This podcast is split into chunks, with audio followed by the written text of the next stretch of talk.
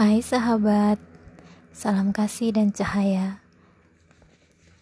Aku mau cerita. Waktu kecil, aku dan anak-anak desa yang lain sering berlarian di atas rumput-rumput basah, bertelanjang kaki, menerobos hutan. Kami juga sering menyeberang kali hanya untuk memetik buah hutan. Buah yang paling kuingat adalah buah hutan berwarna merah terang, bentuknya lonjong, isinya putih, rasanya manis sekali. Nama buah itu adalah lekem. Kalau sudah musim buah lekem, kami semua, tua, muda, anak-anak, berbondong-bondong ke hutan untuk memetik buah ini. Buah lekem bisa dibilang buah khas desa kami. Kadang-kadang kami mencari kayu bakar dan menjualnya ke pasar. Berjalan kaki sekian kilometer bagi kami anak-anak desa adalah hal yang biasa. Dan memang seperti itu sehari-harinya kami. Ke mana pun kami melangkah, kami selalu berjalan kaki. Kendaraan yang paling banyak saat itu adalah kuda. Sedangkan kendaraan modern di desaku adalah sepeda dan hanya satu orang yang memilikinya. Oh iya, aku mempunyai dua sahabat karib. Yang seorang bernama Helen, yang lain bernama Ani.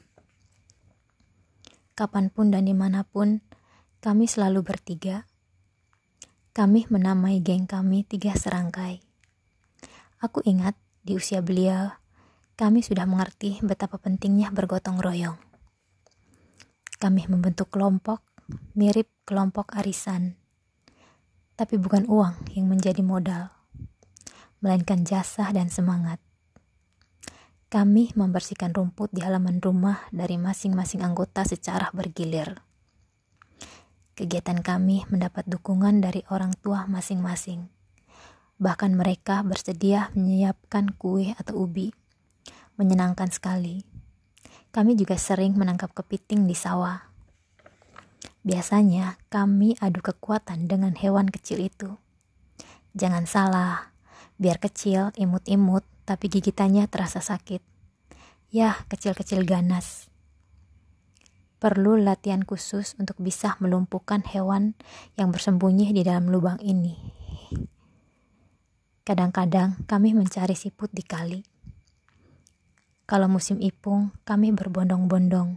Tuah mudah menangkap ipung di kali ramai sekali. Bulan terang adalah waktu yang paling kami tunggu-tunggu. Hidup di desa tanpa listrik, apa yang bisa kami harap? Di saat bulan terang, kami bermain membentuk lingkaran, melompat dan kejar-kejaran, dan tentu saja tertawa bersama. Sungguh indah sekali. Nah, sahabat, itu adalah pengalaman Wondrous Inner Childku. Sampai jumpa.